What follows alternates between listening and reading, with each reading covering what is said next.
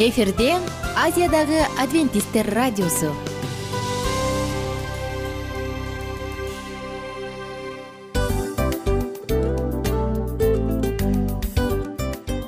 Достор салют. Баардык сүйүктүү угармандарыбызга салам айтабыз. Кутман күнүңүздөр менен. Ден соолук өмүрдүн булагы демекчи саламат саамы программасында баарыңыздарды көргөнүбүзгө абдан кубанычтабыз. Анда алгач амандашып өтөлү арбаңыздар деп. Ден соолугуңуздар кандай элибизде көбүнчө ден соолук кандай дегенде эле жакшы деп жооп беребиз э? ооруп турсак дагы жакшы дейбиз. Анан мен муну айтып ойлойт элем бул абдан сонун сөз депчи анткени бул жакшы деген үмүт да э баары жакшы болот. Баары сонун. Деп үмүттөнүп атып эле өзүбүздү өзүбүз дарылап коебуз. Анысы кандай? Сиздин дагы ден соолугуңуз жакшы беш деген үмүттөбүз чындыгында ден соолук бул өмүрдүн булагы деп бекеринен айтылган эмес деп ойлойм. Кыргыз элинде анткени эгерде ден соолук жок болсо анда адамдын жашоосунда калган баардык керектүү маңыздуу нерселер өзүнүн баалуулугун жоготуп коет. Ошондуктан ден соолук бул эң керектүү нерсе. Ооба туура айтасың кесиптешим. Чынында ден соолугуң жок бир эки үч күн ооруп калсаң эле э кандай болуп калат? Жашоодо көз каранды болуп каласың көп нерсеге жетишпей каласың көп нерсени кыла албай каласың жада калса эшикке дүкөнгө да чыга албай каласың. Туптуура анан ден соолук болсо демек биз биздин бактыбыз тоодой деп койсок болот. Анда достор саламат саамы рубрикабызды баштайлы. Алдыда өзүңүзгө керектүү болгон сонун кеңештерди уга аласыздар. Мына ошондуктан биз менен бирге болуңуздар. Ал эми биз болсо милан жана айнура. Кеттик алга. Алга саламат саама ден соолуктун жарчысы. Саламат саама ден соолуктун ачкычы. Күн сайын сиз үчүн мыкты кеңештер сонун жаңылыктар кызыктуу фактылар. Биздин рубрикада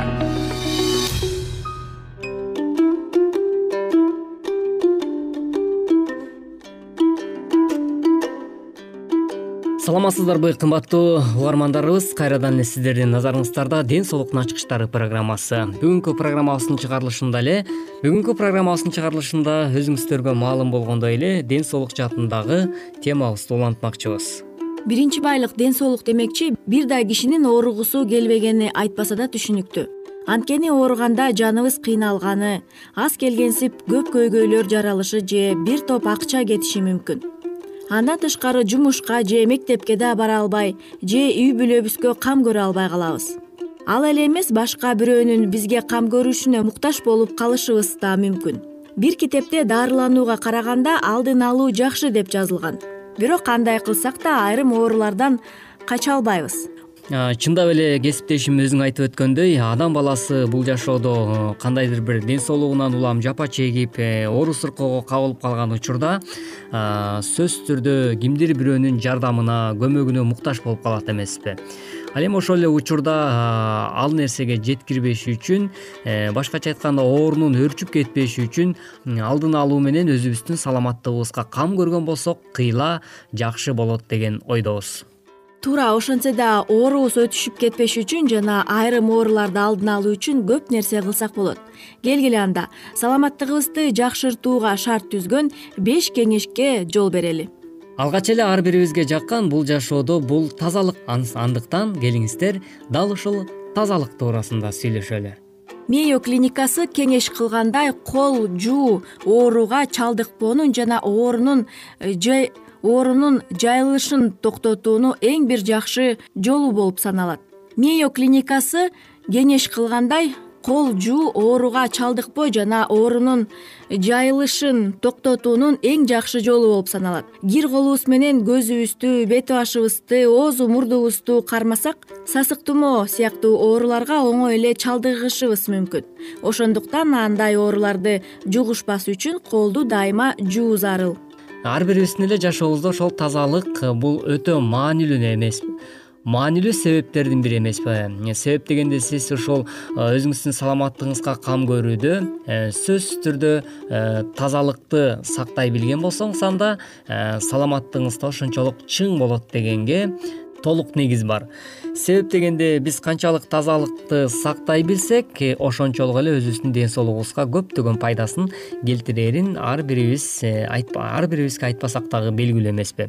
Мисалы жогоруда кесиптешим айтып өткөндөй эле ошол э, жөнөкөй эле күнүмдүк жашоодо кол жууп жөнөкөй эле күнүмдүк жашоодо ошол айрыкча мал чарба менен кызмат айрыкча мал чарба менен айрыкча элет жергесинде ушул э, мал чарба менен же болбосо кандайдыр бир талаа жумуштар менен алек болуп аткан учурда колду жуубастан тамактануу сөзсүз түрдө биздин ден соолугубузга ар түрдүү э, инфекцияларды башкача айтканда ар түрдүү илдеттерди жана ооруларды алып келип калышы ыктымал.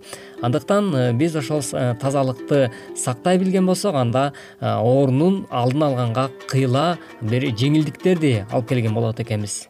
Тазалыкты сактоо мындан да коркунучтуу дарттардан. Маселен жыл сайын беш жашка чейинки эки миллиондон ашын эки миллиондон ашуун баланын өмүрүн алып кетип жаткан эки миллиондон ашуун баланын өмүрүн алып кетип жаткан өпкөнүн сезгениши жана ичеги инфекцияларынын жайылышына да бөгөт коет.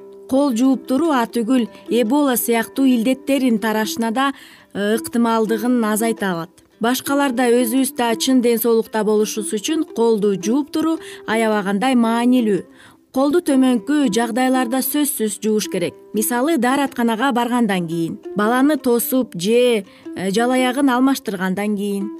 Жана ошондой эле өзүңүздүн саламаттыгыңызга кам көрүү үчүн дагы бир эрежелерди э, күнүмдүк жашоодо аткаруу өтө абзел экен. Мисалга алсак кандайдыр бир э, учурда колуңузду кесип алган учурда ошол эле учурда жараланып кеткен жараланган жерлерди дагы кармалоодо алдын ала колду жуу керек экен. Андан сырткары ооруп жаткан кишиге жолуккан учурда дагы колуңузду жууну эч убакта унутпаңыз. Андан соң тамак ичер алдында сөзсүз түрдө э, биз э, колубузду жуушубуз керек. Андан андан сырткары да кимдир бирөөгө тамак берер алдында дагы колуңузду сөзсүз түрдө жууңуз абзел экен. Мындан сырткары чүчкүргөндө жөтөлгөндө же чимкиргенден кийин дагы колуңузду жуушуңуз керек. Үй шартындагы жаныбарларды кармоодо мисалга алсак күчүктү мышыкты жада калса итти э, кармаган учурда дагы колуңузду бат баттан самындап жууп туруу өтө маанилүү экен колду жөн эле жууп койбой туура жууш керек. Изилдөөлөрдүн жалпы эле колдонгон дааратканага баргандан кийин көптөр колун такыр эле жуубай турганы же э, жууса да чала жууй турганы анык болгон. Андан колду кантип жууш керек? Колду аккан таза сууга суулап самындоо андан кийин самынды жакшылап көбүртүп тырмактардын астын бармактарды колдун сырткы бетин жана салаларды да жуу.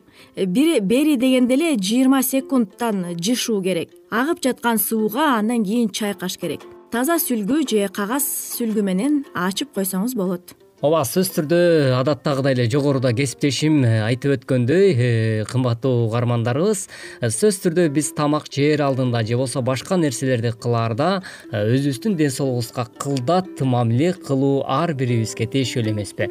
Андыктан сөзсүз түрдө биз ошол колду жууда же болбосо бетти жууда таза сууну сөзсүз түрдө колдонуубуз абзел экен айрым өлкөлөрдө көптөр үчүн өз үй бүлөсүн таза суу менен камсыз кылуу чоң түйшүк. Бирок таза сууга болгон муктаждык ар бир эле өлкөдө пайда болушу мүмкүн. Мисалы сел каптоодо катуу бороон чапкандан кийин суу түтүктөрдүн жарылуусунан же дагы башка кырсыктардан улам жалпы эл колдонгон суу булагын э, кагылышы ыктымал эгер суунун башаты таза эмес болсо же э, суу туура эмес сакталса анда мителер пайда болушу мүмкүн. Ошондой эле алар аркылуу холера ич өткөк гепатит жана башка инфекциялар жугушу мүмкүн. Бир эсептөөлөргө ылайык таза суу ичкендиктин жылына бир миллиарддан ашык киши ичеги инфекцияларын жуктуруп алат.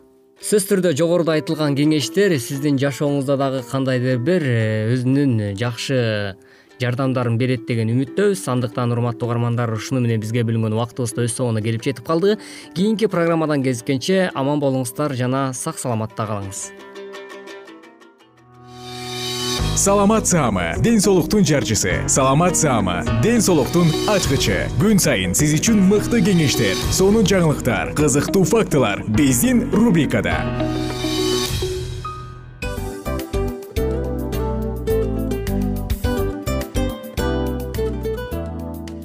салют замандаштар баарыңыздарга ысык салам. Дил маек программабызга кош келиңиздер. Дил маек рубрикасы дегенде эле бул эмне болгон дил маек ким менен маектешебиз деп сурайт болуш керек угармандарыбыз бул рубриканы кыскача тааныштыра кете турган болсок ар тарап кесип ээлеринен болгон сонун интервью кеңештер бар жылдыздар менен болгон маек бар аталарыбыздын агаларыбыздын чоң аталарыбыздан сонун кеңештер бар. Ошондой эле эже сиңдилердин кеңештери бар айтор. Баардык кызыктардын баары алдыда. Негизи эле адам баласы бир кимдир бирөөнө ишенип сырын ачкысы келет эмеспи э мындай баарлашууга жакын келебиз го? Албетте.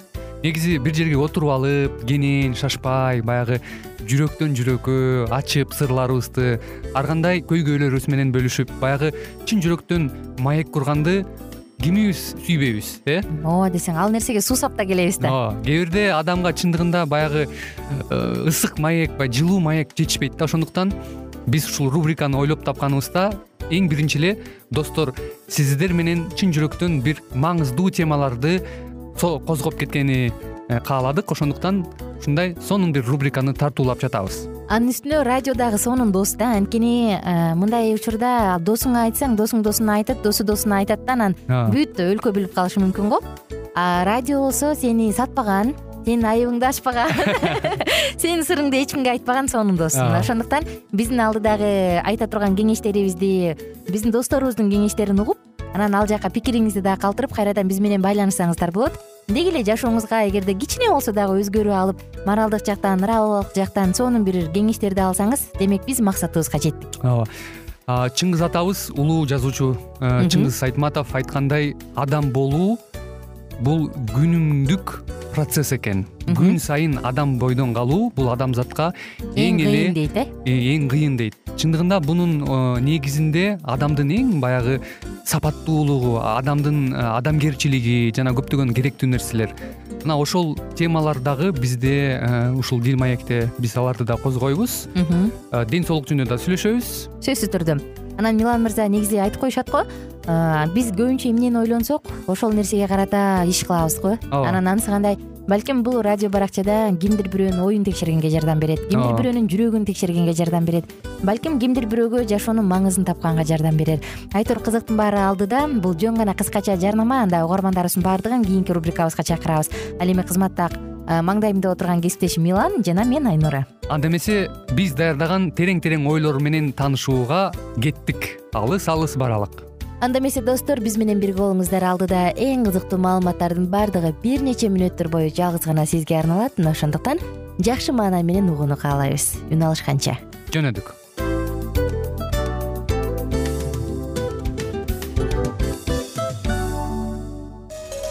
Ар түрдүү ардактуу кесип ээлеринен алтын сөздөр жүрөк ачышкан сыр чачышкан сонун маек дил маек рубрикасында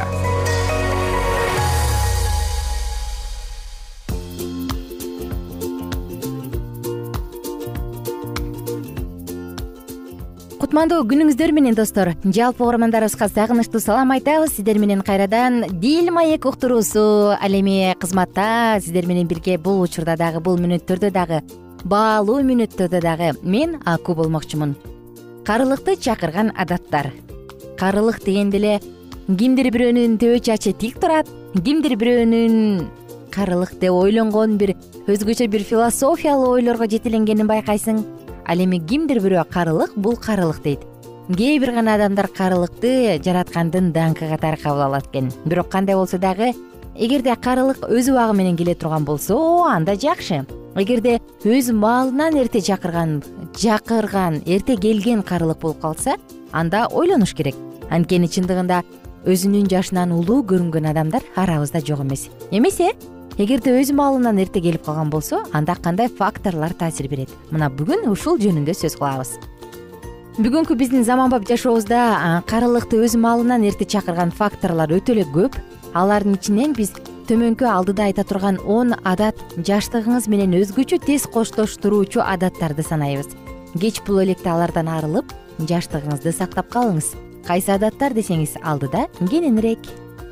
Биринчиси тамеки тартуу тамекинин биздин организмибизге тийгизген терс жаактары өтө эле көп экенин билебиз. Алар менен катар тамекинин түтүнүндөгү химиялык заттар теринин клеткаларын кычкылдектен ажыратат мындан тышкары бул адат оозуңуздун айланасына бырыштардын түшүшүн шарттайт. Тамеки чегесизби же тамеки чеккен адамдын жанында болосузбу? Анын түтүнү териге терс таасир этет. Болбоду дегенде өз жашыңызга беш жаш кошуп берет. Ал эми аял затын билебиз э жаш көрүнүш үчүн жаштыкты узартыш үчүн терини жашартуучу ар кандай бет майларды колдонобуз ар кандай процедураларды жасайбыз. А бирок сиз чылым чексеңиз мунун баардыгы пайдасыз мунун баардыгы бекер. Кааласаңыз каалабасаңыз дагы чылым чеккен адам өзүнүн жашынан беш жаш улуу көрүнөт.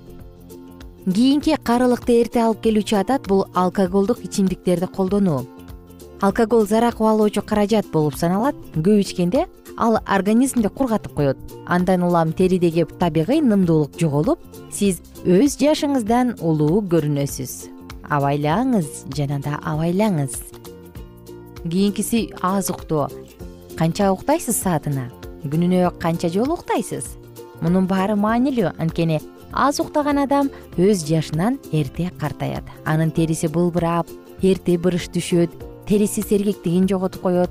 Жана баарыбыз байкагандай дайыма шишип көп сутканын кайсы убактысы экенин да билбей калат. Айрымдар көп нерсеге жетишиш үчүн суткасына жыйырма төрттөн көп саат болушун каалайт. Уйку тууралуу азыркы изилдөөлөр көрсөткөндөй жети сааттан аз эмес уктоо оптималдуу вариант болуп эсептелет. Ал эми суткасына беш же андан аз убакыт уктасаңыз күзгүдөн өзүңүздүн жагымсыз келбетиңизди көздүн астындагы шишиктерди бир нече килограмм ашыкча салмакты көрө аласыз. Мындан тышкары энергияңыздын азайып жумушка көңүлүңүз жаппай калганын дагы байкайсыз. Ошондуктан достор айтарыбыз абайлаңыздар. Канча саат уктап жатасыз? Кайсы убакта уктап жатасыз? Мунун баардыгына көңүл буруңуз. Эк ушуну айтайын же айтпайын деп турам анткени бул азыркы учурда көпчүлүк адамдарга тиешелүү. Карылыкты эрте чакырчу адаттардын бири отуруп иштеген жашоо образы караңызчы достор отуруп иштөө. Күн бою бир орундан турбай иштөө бөйрөктөрдө жүрөктө жана кан тамырларда маселе жаратат. Ашыкча салмакты пайда кылат. Күн бою жарыкты жана күндүн нурун көрбөгөн теринин абалын айтпай эле коелу. Эгерде сиз ушундай жумушта иштесеңиз сөзсүз түрдө жумуштан кийин спорт менен машыгыңыз зарыл жана карылыкты чакырган дагы бир адаттардын бири косметикалык каражаттарды ашыкча колдонуу. Териде жаралган ар кандай маселелер жашыңызга жаш кушат косметологдор бекеринен бет терисине жаш кезден баштап кам көрүү керек экенин эскертишпейт. Ошол эле косметологдор косметикалык каражаттарды көп колдонуу айымды карылыкка жетелерин да айтат. Анткени алардын баардыгынын курамында спирт бар. А спирт терини кургатып бырыштын өз маалынан эрте түшүшүн шарттайт жана үйдөгү жогорку температура. Кышында беттериңиз тууралуу көбүрөөк ойлонууга мажбур болосуз. Азыр сөз эшикте аяз тууралуу болуп жаткан жок тескерисинче үйдөгү жылуулук тууралуу.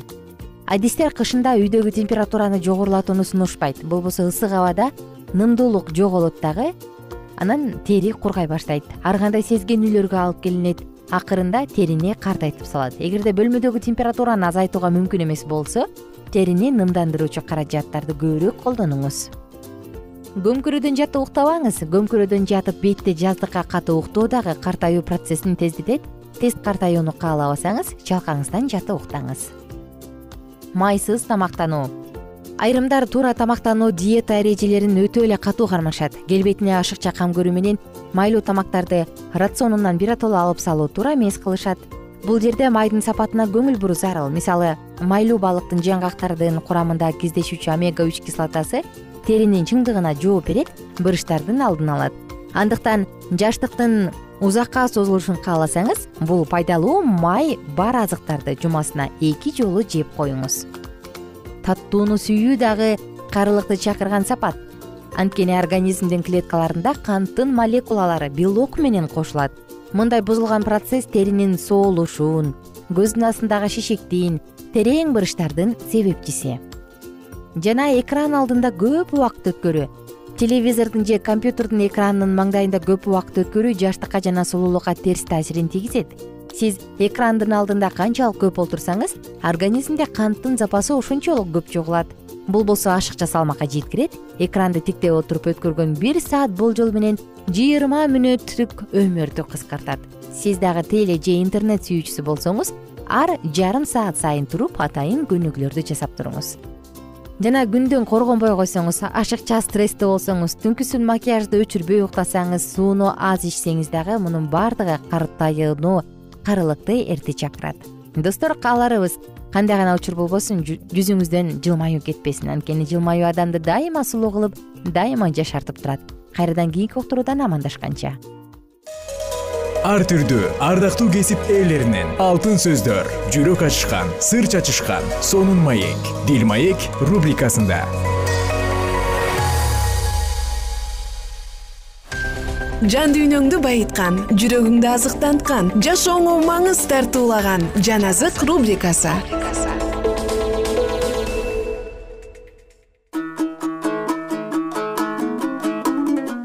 кутман таң. Кутмандуу күнүңүздөр менен достор жалпыңыздарга дагы бир ирет сиздер менен улуу күрөш китебин улантабыз. Ушул окутууну билүүнүн алгачкы кадамы катары ыйса өзүнүн шакирттерин мусага жана пайгамбарларга багыттаган. Ушундай кылуу менен куткаруучу байыркы мезгилдеги жазуулардын баалуулугун жана маанилүүлүгүн көргөзгөн. Өздөрүнүн устатынын жаркын элесин кайрадан көргөндө шакирттердин жүрөгүндө кандай өзгөрүүлөр пайда болду? Эми гана алар толук жана жеткилең мааниде мусанын мыйзамдарында жана пайгамбарлар китебинде жазылгандарын өзүнүн табышкан. Күмөн саноолор кайгыруулар көңүл калуулар көлөкөсүз ишенимге жана солкулдабаган бекемдикке жол беришти. Машаяктын асманга көтөрүлүп кеткенден кийинки убактыларында алардын ар дайым ибадатканаларда кудайды даңктап жана ыраазычылыктарын айткандарында эч кандай таң калыш жок. Куткаруучунун мыскылдуу өлүмүн жана өлүмүн гана көргөн адамдар алардын жүздөрүнөн кайгы жана көңүл калууларды көрөбүз деп ойлошкон. Бирок алар жеңиштин кубанычын көрүшкөндө абдан таң калышкан шакирттер боло турган иштерге кандай гана таң каларлык даярдык алышкан. Алар оор сынактардан өтүп кетишти. Бирок качан алар үчүн баары жоголгондой сезилгенде кудай сөзү жеңиштүү аяктаган.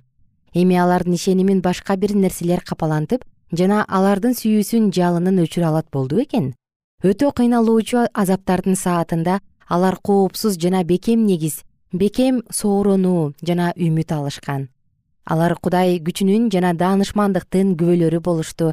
Эми аларды өлүм да өмүр да периштелер да башталышы да күчтөр да азыркысы да келечектегиси да бийиктик да тереңдик да башка эч нерсе ыйса машаяктагы кудайдын сүйүүсүнөн ажырата албайт ушунун баардыгын дешкен алар. Бизди сүйгөндүн күчү аркылуу жеңип чыга алабыз. Кудайдын сөздөрү түбөлүк кала берет. Ким айыптай алат? Машаяк өлдү кайра тирилди ал өзү кудайдын оң жагында. Ал биз үчүн өтүнөт. Теңир мындай дейт. Менин элим түбөлүк эле баа сырына бербейт. Кечинде ыйлап ал эми таң атканда кубанат машаяк тирилгенде шакирттер куткаруучуну жоолуктуруп алардын жүрөктөрү анын айткан сөздөрүнөн күйүп турган качан алар анын алар үчүн кагылган колдорун жана буттарын көрүшкөндө өзүнүн асманга көтөрүлгөнүнүн алдына дагы аларды вифанияга алып келгенде алкыштоочу колдорун көтөрүп аларга мындай деп буйрук берди. Баргыла да бүт дүйнөгө жакшы кабарды айткыла жана ал сөздөргө буларды кошумчалады. Мен дүйнөнүн акырына чейин силер мененмин жана ыйсанын тирилгенинен элүү күн өткөндөн кийин алардын үстүнө убада кылынган сооротуучу жана жогоркунун күчү түшкөн. Алардын арасында асманга көтөрүлүп кеткен машаяктын бар экендигин билишкенде алардын өмүрүн дагы ушундай эле азаптар жана коркунучтар күтүп турган. Машаяктын келишинде бериле турган адилеттиктин таажысын алар башта өздөрү самап жүргөн жердеги тактыга жана атаң даңктарга эми алмашат болду бекен биз сурагандан же ойлогондон дагы көптү бере ала тургандын өзү аларга аны менен кошо кайгыга жана гана ортоктош болбостон анын кубанычын дагы тең белишиш үчүн түбөлүктүү даңктын кубанычын ченемсиз берди. Бул нерселерди пабыл мындайча салыштырат. Биздин убактылуу жеңил кайгыларыбыз эч нерсеге турбайт. Падышалыктын жакшы кабарын машаяктын биринчи келишинде насааттаган шакирттердин кайгылары жана тажрыйбалары машаяктын экинчи келишиндеги насаатчылардын дагы жашоосунда кездешери шексиз.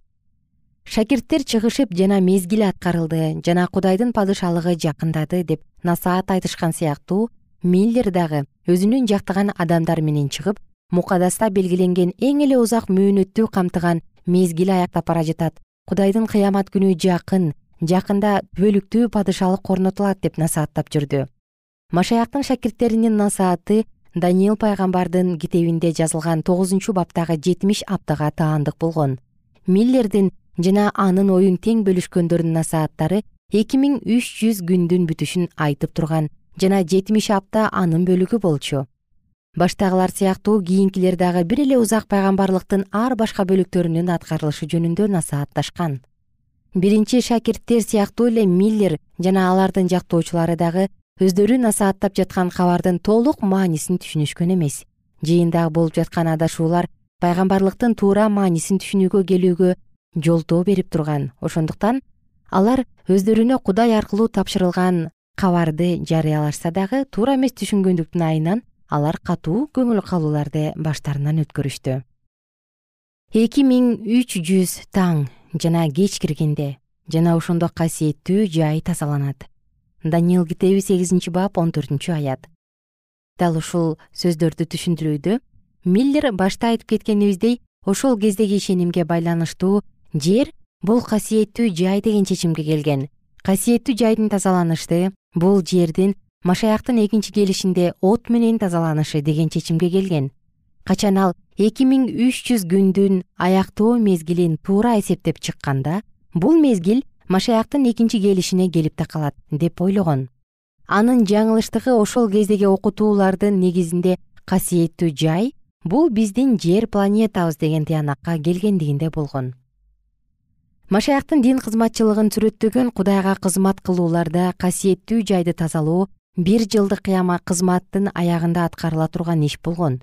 Бул израиль жамаатын күнөөдөн тазалоонун акыркы учуру болуп эсептелген бул биздин асмандагы дин кызматчыбыздын асмандагы китептерге жазылган өз элин күнөөлөрдөн тазалоо үчүн өтүп жаткан кызматынын символу болгон. Бул кызматтын ичине тергөө иштери дагы кирет жана бул кызмат аяктаары менен машаяк асмандан булуттар үстүнөн өз атак даңкы менен келет. Анткени анын келишинин алдында эле ар бир адамдын ала турган тиешеси чечилип калат. Ыйса мындай дейт. Ар бир адамга өз иштерине жараша тиешесин бериш үчүн менин бере турган энчим өзүмдө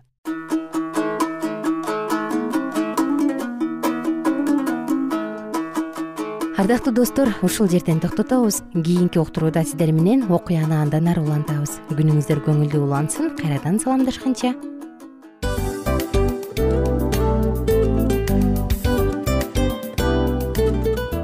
мына ушинтип убакыт дагы тез өтүп кетет экен. Биз дагы радио уктуруубуздун аягына келип жеттик. Келип кубандырдыңар эми кетип кубандыргыла деп тамашалап калышат эмеспи анысы кандай радио баракчабызды программабызды азыр эле баштап аткандай болдук элек. Мына соңуна келдик э? Негизи убакыт э, билинбей өтүп кетет экен? Мен дагы убакыт дегенде бүгүн бир адам менен сүйлөшүп калдым. Анан убакыт бул мүмкүнчүлүк деп айтып өзүмө өзүм айтып алып анан мага өзүмө эле кайра ачылыш болду да чын эле. Э, карап отурсаң ошол эле жыйырма төрт саат ошол эле жарым саат кайталанып атат. Бирок сендеги мүмкүнчүлүк жок ошол кой берилип кетти? Анысы кандай? Бүгүнкү сонун убактыңызды алтындай болгон жарым саатыңызды бизге бөлүп арнаганыңыз үчүн ыраазычылык айтабыз анан жашооңуздун кайсы бир сферасын өзгөртө турган сонун пайдалуу кеңеш алган болсоңуз анда биз максатыбызга жеттик. Анан ушул нерсени кылбасам десеңиз ошол өзгөрүүлөрдү кичинекей кадамдардан баштап иш жүзүнө ашырыңыз дагы жашооңузда чоң чоң ийгиликтерге жетиңиздер чын жүрөктөн ар бир берилген кеңештер сөздөр сиздерге пайдасын алып келет деп ишенебиз жана кийинки уктурууларда сөзсүз түрдө чыдамсыздык менен сиздерди күтөбүз сагынычтуу салам айтып кайрадан дал ушул жыштыктан баардыгыңыздарды тосуп алганча. Кызматта мен айнура жана кесиптешим милан. Анда кол пул жалпыңыздарга ийгиликтүү күн. Саламатта калыңыздар.